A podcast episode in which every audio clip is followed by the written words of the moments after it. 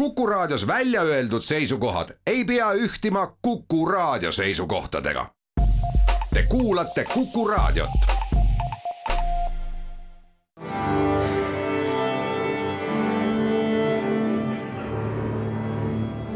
daamid ja härrad, Eesti Kontserdi saade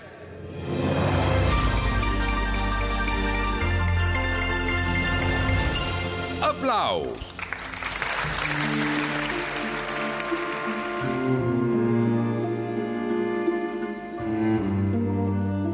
Tere kõigile, Eesti Kontserdi saade Applaus, mina olen Lauri Aav.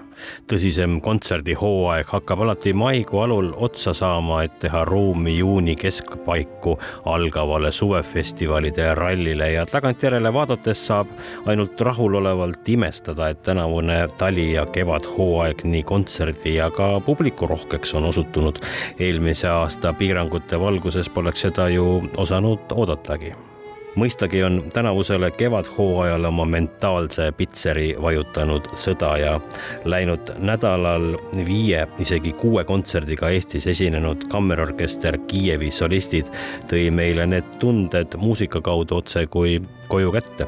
reisisin nendega nädala jagu mööda Eestit ringi ning meedia kaudu meieni jõudvad sõjauudised pole kuidagi nii isiklikud ja puudutavad kui see, mida orkestri liikmed ise koju helistades pidevalt kuulsid ja läbi elasid tuleme lähemate kontsertide juurde. homme on üks selline tore järjekordne neljapäev Estonia kontserdisaalis, kui meie juurde on põhjust tulla kauemaks ajaks. kaks kontserti järjest kell seitse õhtul ja kell kümme õhtul. kõigepealt kell seitse muusika ja ajulained muusika vastuvõtmine ja musitseerimine, mille poolest nad erinevad ma ei teagi nüüd, kas julgen seda lihtsalt kontserdiks nimetada, pigem on see selline uurimus, mis juhtub meie peades, kui me muusikat kuulame ja mis toimub muusiku peas, kui ta muusikat esitab. kohapeal on EEG aparaat, äh, seade peaaju bioelektrilise aktiivsuse mõõtmiseks, mis visualiseerib muusika kõlamise ajal nii interpreedi kui ka kellegi vabatahtliku publiku liikme ajus toimuvat suurel ekraanil ja seda kommenteerib omakorda doktor Nick Nick Charushas, NASA ajuuuringute programmi eestvedaja ja biomeetrilise ajuuuringute juht ning Ühendkuningriigi üks kõrgemalt kvalifitseeritud neurofüsioloog. samuti ka Hans Põldoja Tallinna Ülikooli Digitehnoloogiate Instituudist Tallinna Ülikooli Digitehnoloogiate Instituudi jaoks on see kontsert uus ja huvitav väljakutse. et tavaliselt me oleme kasutanud neid EEG seadmeid tarkvara interaktsiooni disainis, kus me loome erinevaid kasutajaliideseid ja siis testime nende seadmete peal seda, kuidas inimesed kasutajaliidest tajuvad, kui see ajulainete mõõtmise seade on inimesele pähe ühendatud. aga nüüd see kontsert on meil esimeseks selliseks katsetuseks, et kuidas saab sedasama rakendada kunsti ja muusika valdkonnas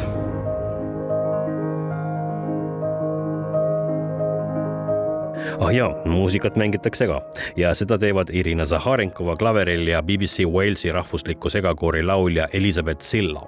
Muusika, mida esitatakse, aga on üsna tavaline. Chopin, Gregoriuse laul, Bach, Händel, Mozart, Tšaikovski, Pärt, rõhutatult eri ajastutest pärit ja erineva loomuga, mis siis toob ka ajulainete erinevused esile ja see kõik toimub homme õhtul kell seitse Estonia kontserdisaalis. Ja tähelepanu, tähelepanu juba täna õhtul Vanemuise kontserdimajas. Muusika ja ajulained, teaduslik uurimuskontsert. Homme pärast seda jätkub kava Estonia kontserdisaalis öökontserdiga. Kell kümme õhtul Vaikuse piiril Need on Anna-Liisa Eller psalteeriumil ja kandlel ja Taavi Kerikmäe klavikordil.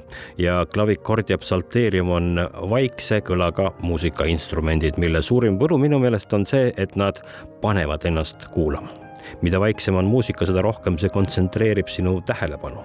kavas on keskaja ja varabarokkmuusika ning Anna-Liisa Eller on kandlemängija, kelle erihuvi on varajane muusika ning nüüdislooming.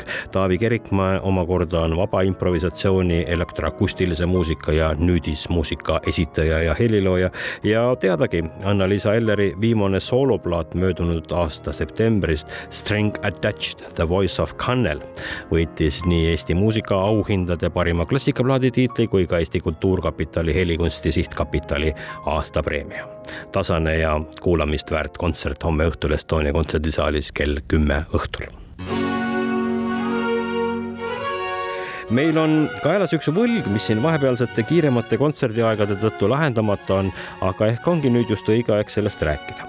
märtsi lõpul toimus Pärnu kontserdimajas tänavuste Pärnu ooperipäevade esitluskontsert ja külas oli selle suve peakülalise ehk Poola Kuningliku Ooperiteatri esindus Poola kuninglik ooper tegutseb Varssavis kunagises Poola kuningapere suveresidentsis Lazienki Kralevskes. sinna asutas kuningas Stanislav August Poniatovski ooperiteatri, mis avati tuhande seitsmesaja kaheksakümne kaheksandal aastal. ma rääkisin märtsi lõpul teatri meediajuhi ja tegelikult ka ooperilaulja Wojciech Bartšemiga, kelle käest tahtsin teada, et kui nende teater asutati kuningas Stanislav August Poniatovski poolt tuhande seitsmesaja kaheksakümne kaheksandal aastal, siis miks nad ise dateerivad oma ooperi ooperiteatri alguseks aastat kaks tuhat seitseteist. Um, siin on suur erinevus, paarsada aastat on ju vahet, aga me oleme osa Poola kuningliku ooperiteatri traditsioonist, mis asutati Varssavis kaheksateistkümnendal sajandil ja oli toona üks esimesi kuninglikke ooperiteatreid kogu maailmas. kahjuks on muidugi tolleaegne materjal enamuses kaduma läinud, me küll umbes teame, mida toona esitati, aga neid partituure pole enam olemas paljudel põhjustel oli väga oluline toonase ooperiteatri nii-öelda taasloomine nüüd mõned aastad tagasi, mis saigi teoks tänu Kultuuriministeeriumi initsiatiivile just selleks, et taaselustada Poola toonaseid ooperitraditsioone. muidugi on meil tänapäeval ju olemas Poola rahvuslik ooperiteater, suur ja väljapaistev, loodud klassikalise ja tänapäevase repertuaari esitamiseks üks suuremaid teatreid Euroopas. teisest küljest oli vajadus varasema ehk barokkooperi autentse esituskoha koha ja autentse esituskoosseisu järele. Ja need olemegi meie seetõttu saigi meie teater loodud. see on üks meie põhilisi eesmärke esitada barokkooperid nii, nagu need kunagi heliloojate poolt olid mõeldud kõlama ajastu instrumentidel ja autentselt õigel viisil. meil on selle tarvis kaks eraldi orkestrit, üks tavaline ooperiteatri orkester ja teine ajastu instrumentidel mängiv. meil on käimas juba viies hooaeg ja kui me mängime näiteks Hendelit või Monteverdit, mõlemalt on meie mängukavas kaks ooperit kavas, siis kasutame oma ajastu ajastu instrumentidel mängivat orkestrit. see kõik sobib suurepäraselt ka meie ooperimajaga, mille suurepärane akustika ja aura sobib just sellise muusika esitamiseks ja loob kunstiliselt autentse kogemuse. see on huvitav, et toote Pärnusse Mozarti Don Giovanni, mille esietendus oli teist mitte eriti kaugel Prahas aastal tuhat seitsesada kaheksakümmend seitse ehk siis aasta enne seda, kui teie teater avati. kas on teada, mis ooperiteatri algusaastatel toimus, sest Poola oli ju ka toona Euroopa kultuurielu keskuses? You, you, this is actually as I taught, uh, I, I told you mm, nagu ma juba mainisin, oli tollal palju kavas Itaalia meistrite oopereid, aga samuti Poola toonaste heliloojate teoseid. on oluline, et teatri juures tegutses toona ka kuninglik kapell ja toonased heliloojad nagu Nikolai Zelenski või Bartolomei Bekiel olid selle liikmed ja see on meie jaoks tähtis Poola muusika varamu ja me tuleme ses mõttes tagasi oma juurte juurde. And we are somehow mm, going back to our roots kirjelda pisut oma ooperimaja, tulite just Pärnust, mis on saalina suurem, aga ka väga hea akustikaga või mis mulje teile Pärnu kontserdimaja jättis? You know, I am deeply impressed, you know, by, the venue. ma olen sellest lavast ja saalist täiesti vaimustuses. see on suurepärane polüfunktsionaalne kultuurikeskus, suurepärane lava, suurepärane arhitektuur, see võib olla ooperiteater või see võib olla kontserdisaal. Pärnu-suguse linna jaoks on see suur asi omada sellist maja koos selle kunstilise ja loova energiaga, mis seal sees on.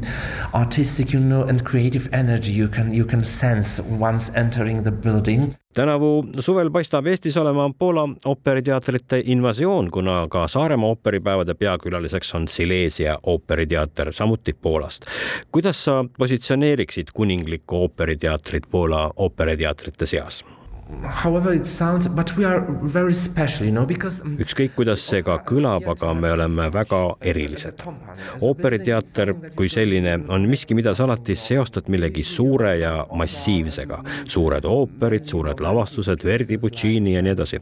kõik sõltub muidugi riigist, kuid kui sa lähed Saksamaale, on seal muidugi Mozart ja Wagner kavas. Poolas mängitakse vähe Wagnerit, kuna seda on raske lavastada ja nõuab erilisi koosseise. meie tahame publikuni tuua Hendeli, Monteverdi ja Rossini ooperid. ooperid, mille esitamine nõuab erilisi oskusi, erilist suhtumist. seetõttu ma arvan, et me oleme kammerlikud oma suuruse mõttes, kindlasti mitte aga oma ideede, oma oskuste ja oma missiooni mõistes. You know of ideas of thinking about our um, about our job, about our mission. Nagu öeldud, Pärnu ooperipäevad seitsmendast üheksanda juulini Pärnu kontserdimajas, külalisteatriks Poola kuninglik ooper, kavas Mozarti Don Giovanni, Stanislav Monjuško Õudne mõis ja traditsiooniline pidulik galakontsert õhtusöögiga, mida juhib Anu Välba ja pileteid ooperipäevadele saab osta juba märtsi lõpust saati, siis kui ooperiteatri esindus meil siin külas käis, õigemini Pärnus külas käis. meie aga kohtume teiega nagu ikka kahe nädala pärast ja räägime juba järgmistest suvefestivalidest. seniks aga kõike paremat.